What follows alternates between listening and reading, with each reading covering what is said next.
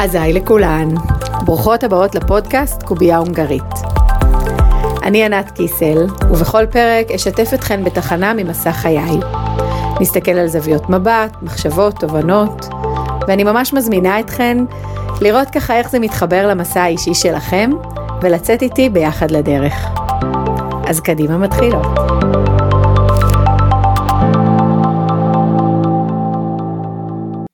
היי לכולן, ברוכות הבאות לפרק השני בפודקאסט קובייה הונגרית, איזה כיף שאתן כאן איתי. והיום אנחנו הולכות לדבר על אחד הנושאים ככה באמת הקרובים לליבי, וזה הילדה הפנימית. אז אני רוצה להתחיל רגע בלשאול בכלל, מי זו הילדה הפנימית הזו? האם הילדה הפנימית שבנו היא בעצם הילדה שהיינו, או שזה מישהי אחרת? איך בדיוק נראית הילדה הפנימית, איזה מערכת יחסים יש לנו איתה. ואולי שאלה לא פחות חשובה זה, למה היא בכלל כל כך חשובה? בסוף היום, מה שהוביל אותי ממש ליצור מערכת יחסים טובה עם הילדה הפנימית שבי, זה לא היה איזה הבנה עמוקה שזה נורא חשוב, או איזה חיבור נורא גדול שהיה לי איתה, אלא פשוט איזושהי הבנה בנקודה מסוימת שהיא לא הולכת לשום מקום. אם אני אנסה לחיות חיים בלעדיה, זה הולך להיות חיים מאוד uh, עצובים ומתסכלים. בעיניי ילדה פנימית, קצת כמו ילדים באופן כללי, אי אפשר באמת להשתיק אותה. היא תמיד תאמר את דברה, ואז נשארת השאלה האם אנחנו הולכים לעבוד יחד איתה, או נגדה, או להתעלם ממנה, אה, ולכל בחירה יש מחיר. אז uh, אני אתחיל ככה את המסע שלי עם הילדה הפנימית, דווקא בילדה שהייתי. אני רוצה לקחת אתכן איתי לגיל ארבע. Uh, דמיינו לכן ילדה עם uh, שיער קצוץ ופוני, שיער חום כעקב ועיניים חומות גדולות וסקרניות. הביאו אותי. לדודה שלי, דודה שלי הייתה עוזרת להורים שלי הרבה.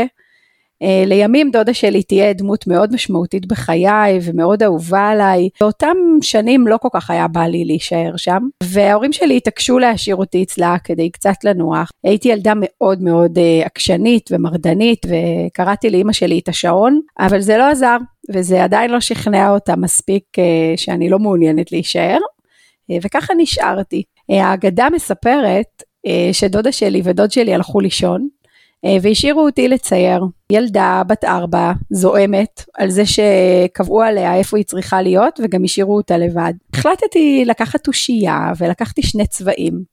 ועברתי על כל הבית של דודה שלי ודוד שלי, ועשיתי שני פסים ישרים, ישרים, ישרים, לאורך כל הבית.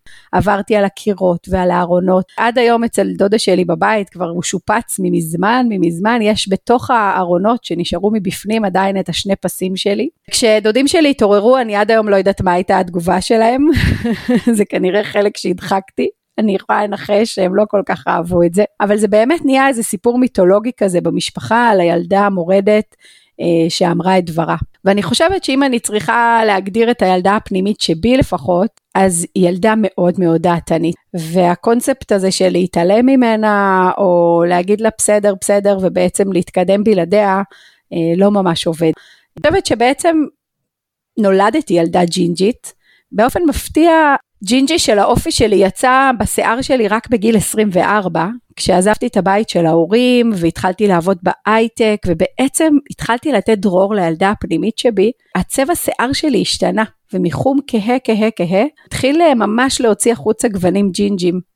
וזה באמת אחד הפלאים בעיניי, שאני אומרת, איזה מטורף זה, עד כמה הגוף והנפש מחוברים, ועד כמה הגוף שלי, הצבע בשיער שלי, בעצם שיקף את הניסיון הכל כך חזק שלי שנים להחביא את הילדה שהייתי, ובאופן אבסורדי, דווקא ככל שאני מתבגרת, לילדה הזו יש הרבה הרבה יותר מקום.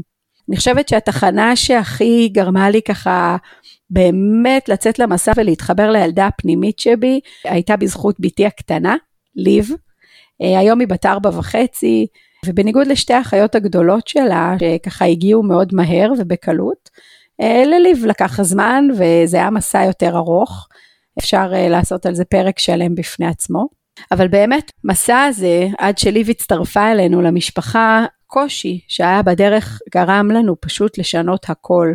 בעלי שינה תפקיד בעבודה, אני עזבתי את ההייטק, נהייתי עצמאית, החלפנו בית, שינינו את סגנון ההורות שלנו, שינינו את תפיסת החיים שלנו. אה, ובאמת כשבסופו של דבר ליב הגיע, אה, קראנו לה ליב כי מבחינתנו היא ייצגה את החיים שאחרי החיים. צחקנו על זה שהיא באמת אתגרה אותנו כדי להביא לנו את פרק ב', פשוט עם אותם אנשים. וליב היא ג'ינג'ית, ג'ינג'ית גזר כתומה, מלאת אנרגיה וחיות. ואני חושבת שגם בבואה וגם ביום יום איתה, היא באמת כל הזמן מהווה תזכורת עבורי. אה, לילדה הפנימית שבי. אז אני חושבת שהיא סגרה לי איזשהו מעגל עם הילדה הג'ינג'ית שנולדת, לא הרשיתי לעצמי להיות, כי פחדתי, פחדתי לשרוף את כולם, שזה יהיה יותר מדי חזק. אלא הג'ינג'י שהתחיל לצאת בגיל 24, כשככה התחלתי לתת לה מקום, לאישה שבעצם אה, התחילה ממש לתת מקום לילדה הפנימית הזאת בגיל יותר מבוגר ועם בואה של בתי הקטנה. צחקתי על זה שהיא יצאה ממש ג'ינג'ית במשפחה, וזה היה סוג של סגירת מעגל בהסכמה שלי, ככה להביא את הילדה הפנימית uh, שאני, וכמובן במסע האישי שלה. אז אני חושבת שככה המסר הראשון שאני רוצה באמת לגעת בו זה שיש קשר בעיניי מאוד הדוק בין הילדה הפנימית שבנו ובין הילדה שהיינו. אני חושבת שהחיים מרחיקים אותנו מהילדה הפנימית, וזה נורא נורא חשוב לחפש את הגשר בחזרה, ולהבין שבאמת חיים מבלי ילדה פנימית הם לא אותם חיים. ממש מסקרן אותי איך נראית הילדה הפנימית שלכן, אם הייתן צריכות לתאר אותה פיזית, לתאר אותה רגשית, אה, לחשוב מה היא אוהבת, מה הסגנון שלה, איך הייתן מתארות אותה? אני תמיד כשאני ככה חושבת על הילדה הפנימית או כשאני משוחחת איתה, אז עולה לי אותה תמונה שלי בגיל 6-7, אותה ילדה עם הפוני והשיער הקצוץ. אה, גדלתי בבית רוסי, אז היה לי שיער קצוץ, ההורים שלי פשוט הגיעו למסקנה שיהיה יותר קל שלי ולאחותי יהיה שיער קצוץ וככה לא יהיו קינים. רק בגיל 12 מרדתי וככה הארכתי שיער והחלטתי לתת דרור למי שאני ולא רק לגישה הפרקטית אה, בתוכה גדלתי. אז תמיד כשאני מדברת עם הילדה הפנימית, אני רואה אותי עם הפוני והעיניים הגדולות והסקרניות, קצת מבולבלות, אה, באזור הגיל הזה של 6-7. אני חושבת שהילדה שבי לא סתם בחרה בהייטק, היא כל כך אהבה את ה... טטושים שמציירים על הלוחות וכאילו את כל הסגנון החופשי הזה. אני אף פעם לא אהבתי לשבת על כיסא, כל הקונספט הזה לא כל כך מתאים לי. ואחד הדברים שאהבתי בהייטק זה שכשהיינו חושבים על דברים ומפצחים בעיות, הכל היה נורא נורא משוחרר, היינו יושבים עם הרגליים למעלה ועל השולחן ומציירים וצוחקים בהייטק יכולתי בעצם לדבר בקול גבוה וחזק ולא להרגיש שאני יותר מדי, יכולתי לזרוק את כל הרעיונות שעולים לי לראש וזה היה הגיוני וטבעי. הילדה שבי תמיד אהבה לנהל. בגדול היא לא כזה אהבה לעשות דברים בעצמה, היא נורא אהבה שיש עוד אנשים שיכולים להצטרף ביחד למשימה. אז מאז שאני זוכרת את עצמי אמרו לי שמתאים לי לנהל. הילדה שבי הייתה מאוד מאוד רגישה, ואני חושבת שזה חלק ממסע חיי, ותכף נדבר על מה זה לחיות כילדה רגישה, ומה זה לחיות כאישה שיש בתוכה ילדה פנימית רגישה. לדעתי זה מה שנקרא מסע מיוחד בפני עצמו. הילדה שבי הייתה צריכה עולם טוב יותר, עד היום היא צריכה, והעולם לא תמיד עומד בקריטריונים האלה. והיום אני יודעת שחלק מהתפקיד שלי הוא לווסת לה אותו, הילדה הפנימית שבי מאוד סקרנית וזקוקה לגיוון ולהרבה שינויים. אה, מאוד מאוד קשה לה עם חוסר צדק, זה נושא כאוב עד היום, שיכול מאוד להפעיל אותי מהר, והיא מאוד מאוד מאוד אוהבת אנשים. אם אני צריכה לתאר את הילדה הפנימית שבי, בעצם היא לא כל כך השתנתה מהילדה שהייתי והילדה הפנימית שאני נושאת בתוכי היום. אני חושבת שמה שהשתנה זה שאז מאוד התביישתי בה, כעסתי על הרגישות שלה ועל זה שהיא בוכה מהר ועל זה שהיא לוחמת צדק במקום ככה להתיישר.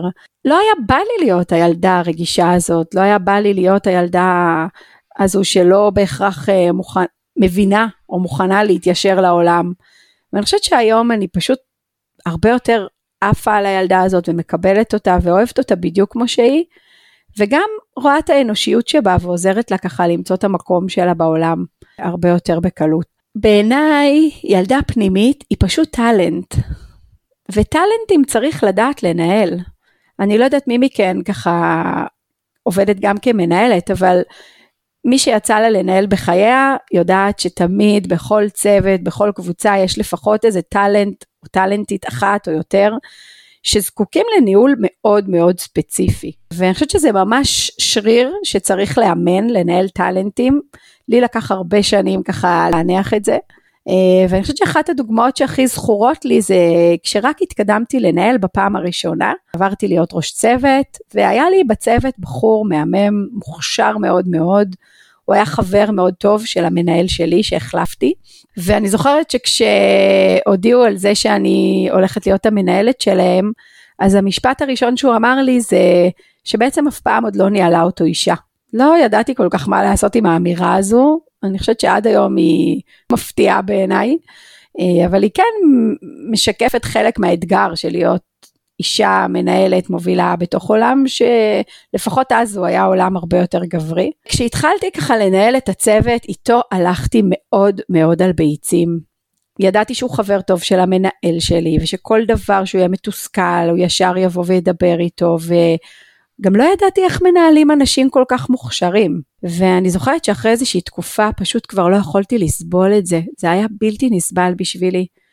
ובאיזשהו יום פשוט הגיעו מים עד, מים עד נפש, ולקחתי אותו לחדר ואמרתי לו, תשמע, אני סופר מעריכה אותך, אתה מוכשר, אתה מהמם, גם אני מוכשרת ומהממת, ואנחנו צריכים למצוא דרך לעבוד ביחד. אבל אני איתך לא הולכת יותר על ביצים, זה פשוט לא יכול לעבוד, אני לא יכולה לסבול את זה יותר, זה לא פייר כלפיי, זה לא פייר כלפיך, ואנחנו נצטרך למצוא דרך שונה. ובאמת, לא היה לי פתרון באותו זמן, אבל ההסכמה שלי להיות כנה ופשוט לשים את זה על השולחן עשתה הבדל אדיר. ויצאנו לאיזשהו מסע, עם השנים מאוד השתכללתי בעניין הזה של לנהל טאלנטים, ובאמת אותו בחור היה איתי לאורך כל הדרך, כל פעם שהתקדמתי לניהול קבוצה וקבוצה יותר גדולה, תמיד לקחתי אותו איתי, ועד היום אנחנו ככה בקשר ו, אה, והוא ככה נשאר בליבי. ואני חושבת שהילדה הפנימית היא סוג של טאלנט. וכדי לנהל טאלנט בעצם צריך כמה דברים חשובים. הדבר הראשון זה באמת להבין מי שמוגדר טאלנט הוא באמת מאוד מאוד מוכשר והוא חיוני לארגון והוא חשוב והוא צריך שיראו אותו, באמת. והילדה הפנימית שבי צריכה שתמיד יהיה לה לפחות אדם אחד בעולם שרואה כמה היא מדהימה והאדם הזה הוא אני. ואני חושבת שהיום התפקיד שלי הוא קודם כל ממש לראות אותה, לקבל אותה בדיוק כמו שהיא. לא לנסות לתקן אותה, לא לנסות ליישר אותה, לא להתנצל על מי שהיא ולא להיבהל ממי שהיא. ואז אחרי שאני נותנת לטאלנטית הזו שבתוכי את המקום הזה, התפקיד השני שלי הוא לעזור לה להתווסת, ולראות גם את האנושיות שלה ולזכור שהיא רק ילדה וזה שיש לה 200 רעיונות בדקה זה לא אומר שצריך לממש את כולם. וזה שבראש שלה הקצב הוא מטורף, זה לא אומר שזה יהיה קצב המימוש. אחרי שאני באמת רואה אותה בעיניים סופר אוהבות ומקבלות ולא מנסה לצמצם אותה בגרגיר ובטח לא מעבירה לה מסר שהיא יותר מדי, אני בהחלט יושבת ומשקפת לה איך אנחנו הולכות להוציא את זה לפועל. ושמה שם גבולות, ומקשיבה לשאר הרבדים שבי, וזוכרת שאנחנו אנושיות, ושיש בי עוד חלקים, ואני מסבירה לילדה שכדי שכל החלומות שלה יקרו, היא תצטרך לשתף פעולה גם עם שאר הרבדים שבתוכי. והיא משתפת איתי פעולה, כי היא באמת מרגישה שאני רואה אותה, ואני חושבת שהמסר הכי גדול שלי בהקשר הזה, שאני למדתי לאורך השנים, גם עם טאלנטים באופן כללי, ובטח עם הילדה הפנימית, זה שבעצם אני לא מווסתת את הילדה, אני מווסתת את הפעולות שאני עושה בשמה. וזה הבדל מאוד מאוד גדול. הילדה שבי היא היזמת של הסטארט-אפ שנקרא ענת, ולה מותר להיות מוגזמת, מתלהבת, מתרגשת, נעלבת, מותר לה להיות הכל. ובתוך הסטארט-אפ הזה יש את מנהלת הפרויקטים שמוציאה את החלומות שלה לפועל, והיא מסדרת אותם אחד-אחד, ומסדרת את הקצב, וכשהיא רואה שהילדה בהתרגשות מאוד גבוהה, אז היא זוכרת אחרי זה לעזור לה להתקרקע, וכשהיא בהיי, אז היא עוזרת לה ככה לנחות. והיא לא עושה את זה דרך הקטנה של הילדה, היא עושה את זה מתוך קבלה שלה. באמת המסר השני שלי זה שחיים בלי ילדה פנימית הם חיים עצובים. ומצד שני, חיים שנשלטים על ילדי ילדה פנימית הם חיים כאוטיים ומאוד מאוד תלושים, לפחות מהניסיון האישי שלי. ואני חושבת שהאתגר הגדול, קודם כל להכיר בחשיבות הילדה הפנימית, להבין שהיא טאלנט, לא לוותר עליה, וגם לא לוותר לה. לנהל אותה כמו שמנהלים טאלנט, באהבה, בראייה רחבה, בקבלה, גם בראייה של האנוש שבה, ועם גבולות, ועם איזושהי ככה קונטרה, שכל ילדה גם צריכה. וזה ככה, אני חושבת, אולי הייתה התובנה הכי גדולה שלי בחלק הזה של המסע. חלק ככה השלישי שאני רוצה לדבר עליו בהקשר של הילדה הפנימית, הוא באמת על מה זה להיות ילדה רגישה. ומה זה להיות אישה שיש בתוכה ילדה פנימית רגישה. כי אני באמת באמת חושבת שזה ממש אפיון מאוד ספציפי, אולי לא כולם יתחברו אליו, אבל מי שמכירה את המקום הזה בה, אני מניחה שהרבה מהדברים הללו ייגעו בה. אה, וחשוב לי לשים אותם ככה על השולחן, כי הרבה מאוד שנים אני לא הבנתי את זה שאני רגישה, שיש בתוכי ילדה פנימית רגישה, אפילו לא הבנתי שהייתי ילדה רגישה, ואם הייתי רק מבינה את זה וחומלת עליי קצת יותר וגם עפה על זה שאני רגישה, כי יש לזה מלא מתנות, אני חושבת שכל החיים שלי יכלו להיות הרבה יותר פשוטים, והייתי הרבה פחות במלחמה. לילדה הרגישה שהייתי ולילדה הפנימית הרגישה שבתוכי, היא, אני חושבת שיש ארבעה כלים מרכזיים שהיו ועד היום קיימים, שדרכם היא בעצם מביעה את עצמה. הכלי הראשון זה בעצם הגוף שלי. אני לא יודעת אם זה קורה גם לכן, אבל הגוף שלי תמיד דיבר ומדבר את מה שהנפש מתקשה לומר. כשהייתי בכיתה א', היו לי התקפי אסתמה מהלחץ של המסגרת שהרגשתי שסגרה עליי ולא רואה אותי. כשהייתי בכיתה ב', היו לי כאבי בטן, כשלקחו אותי ללמוד שחייה במסגרת מאוד גדולה ותובענית שלא התאימה לילדה הרגישה שאני. בשנים מאוחרות יותר של הבית ספר היסודי היה לי פציאליס, למי שלא מכיר זה שיתוק בחצי פנים, אה, שהוא גם תוצר של לחץ, ואני חושבת שה... שלושת הסממנים האלה, גם הנשימה, גם הבטן וגם הפנים, זה סממנים שהלכו איתי לאורך כל השנים. ובכל פעם שהלכתי רחוק מדי מהילדה הפנימית שבי, הם הרימו את ראשם ודיברו איתי בעצם. האסמה חזרה לי גם בסוף התואר הראשון כשנלחצתי מלצאת לעולם. הפציאליס חזר לי באחת התקופות בהייטק, נכנסתי ללחץ גדול מדי וכבר הרגשתי שמשהו לא מדויק לי ועוד לא הצלחתי להקשיב עד הסוף. ואני חושבת שהיום זה לא שהגוף שלי לא יכול לדבר את מה שהנשמה שלי רוצה לומר, זה עדיין קורה לי, אבל היום אני אשים לב לזה הרבה יותר מהר. היום אני אתן מקום לרגשות האינטימיים יותר, אה, ואני אעבוד איתם קודם, וגם אם פספסתי את הרגשות או את הילדה הפנימית, והגעתי לזה שהגוף מדבר איתי, אז הנורה תידלק לי הרבה יותר מהר, ואני לא אתן לזה כבר ללכת כל כך רחוק, כמו שקרה לי כשהייתי ילדה. הסימן השני שככה הילדה הפנימית והילדה שהייתי דיברו דרכו, זה בעצם uh, תחושה של חוסר משמעות ודכדוך.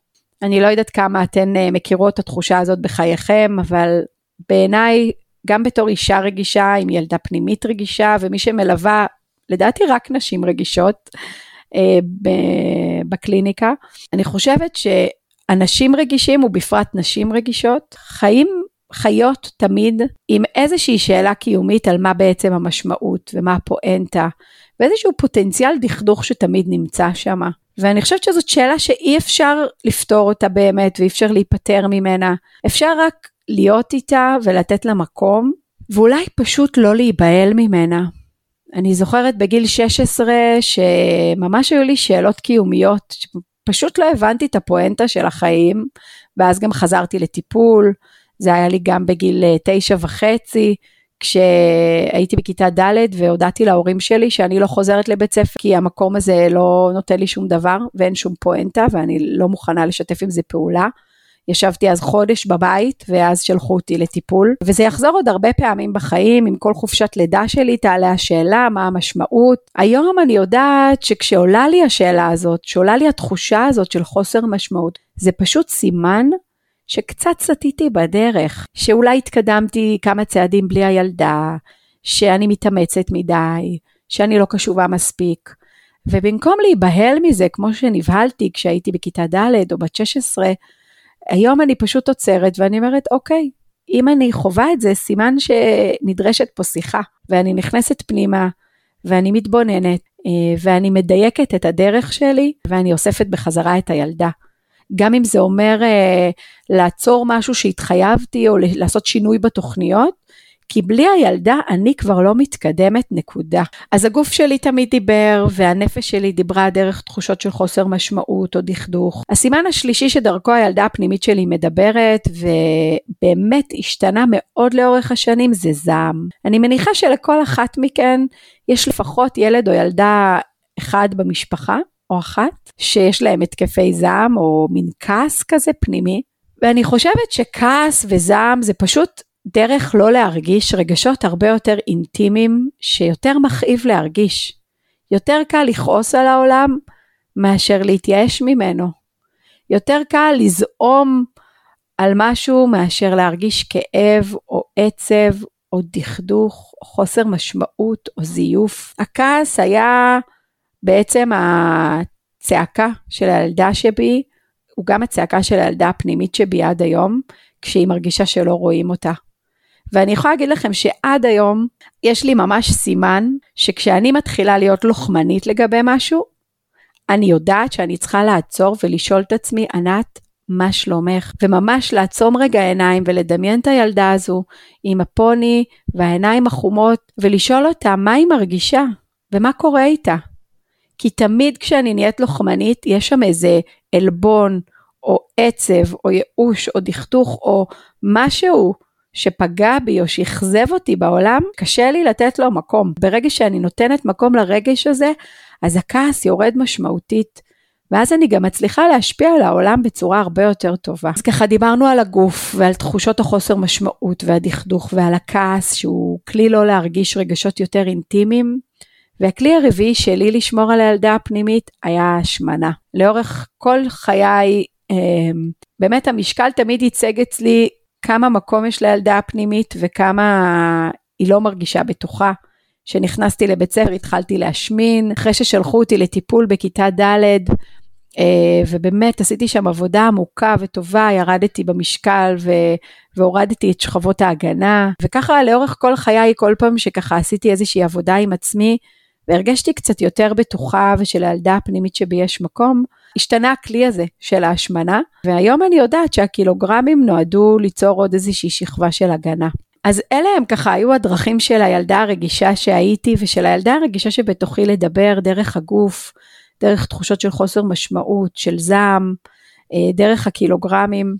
הם כולם נשארו, הם כולם בתוכי, הם לא נעלמו, אבל היום אני מכירה אותם, וכשהם ככה צצים ועולים, אני מסתכלת עליהם ומחייכת, כי הם כבר מוכרים לי, ואני פונה לילדה הפנימית ואנחנו מדברות. אני חושבת שבאמת מה שקרה בכיתה ד' ששלחו אותי לטיפול, זה היה די מדהים, כי במשך שנתיים ישבתי אצל uh, המטפלת, ורק דיברנו רגשות, שיחקנו רגשות, ציירנו רגשות, ולאט לאט פשוט הסכמתי להרגיש הכל. כי ילדה רגישה מרגישה המון, ואם היא לא יודעת לתת לזה מקום ולתמלל את זה, זה נורא נורא קשה אה, לחיות ככה לאורך זמן. וככה אחרי אותם שנתיים של טיפול באמת אה, פשוט פרחתי, מרדתי, הארכתי שיער, עשיתי חורים באוזניים, נסעתי לסאמר סקול, ירדתי במשקל, אה, בחרתי את התיכון שנכון לי ולא את התיכון שההורים שלי רצו, ופשוט הרשיתי לעצמי להיות מי שאני. וזה יחזור לאורך חיי שוב ושוב, ובאמת אני חושבת שזה חלק מהותי מהמסע הזה עם הילדה הפנימית. והמסר שלי הוא שילדים פנימיים, בדיוק כמו ילדים בחיים שלנו, לא שותקים, ואם אין להם נתיב ראשי שדרכו שומעים אותם, אז הם ייצרו נתיבים עוקפים. דרך הגוף, דרך תחושות של דיכאון או חוסר משמעות, של כעס או של זעם, או דרך משקל. ואנחנו פשוט לא יכולות להרשות לעצמנו להשאיר אותם מאחור. וזה נורא נורא חשוב לצרף אותם אלינו לחיים. זה באמת היה אה, ככה ממש כמה טעימות מהמסע שלי עם הילדה הפנימית. אה, דיברנו באמת על הקשר שיש בין הילדה הפנימית לבין הילדה שהיינו. על זה שהחיים מרחיקים אותנו מהילדה שבתוכנו באופן טבעי, וכל כך חשוב לחפש את הגשר חזרה. כשאנחנו חיות מבלי הילדה הפנימית יש איזשהו עצב, וכשאנחנו נשלטות על ידיה יש איזו תחושת תלישות וכאוס, ושניהם קצוות שהם בעצם אותו דבר בשינוי אדרת, והאתגר הגדול הוא באמת להכיר בזה שהילדה היא הטאלנט שלנו, היא היזמת, היא הקסם, היא יוצרת המציאות של החיים שלי לפחות, ויחד עם זאת היא גם סופר אנושית, ובסוף היא רק ילדה.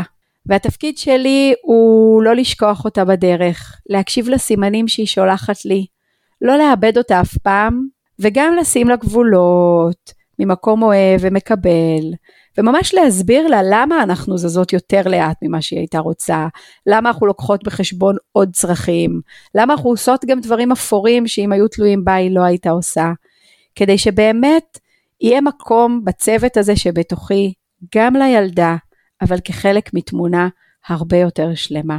אז אני ממש מזמינה אתכן להתבונן מי זו הילדה הפנימית שלכן, איך היא נראית, ממש לצייר לעצמכן דמות, וממש להתחיל להכיר אותה ולאפיין אותה בדיוק כמו שאתן מכירות את הילדים שלכן, ולנהל איתה שיחה, אפילו רק לשאול פעם ביום פנימה מה שלומי? ומה שלומה, זה בעיניי משנה חיים ברמות אדירות, כי ככל שהיא יודעת שיש לה מקום בתוכנו, הדרך נהיית הרבה יותר פשוטה. תודה שהקשבתן, אני מזמינה אתכן ככה למצוא אותי גם אה, בפייסבוק, ענת קיסל או ענת קיסל ביחד בדרך, זה הדף העסקי שלי. אני באינסטגרם ענת קיסל נקודה מנטורינג, כמובן הפודקאסט נמצא גם בספוטיפיי, גם באפל וגם בגוגל, אה, ותודה שהקשבתן ונתראה בפרק הבא.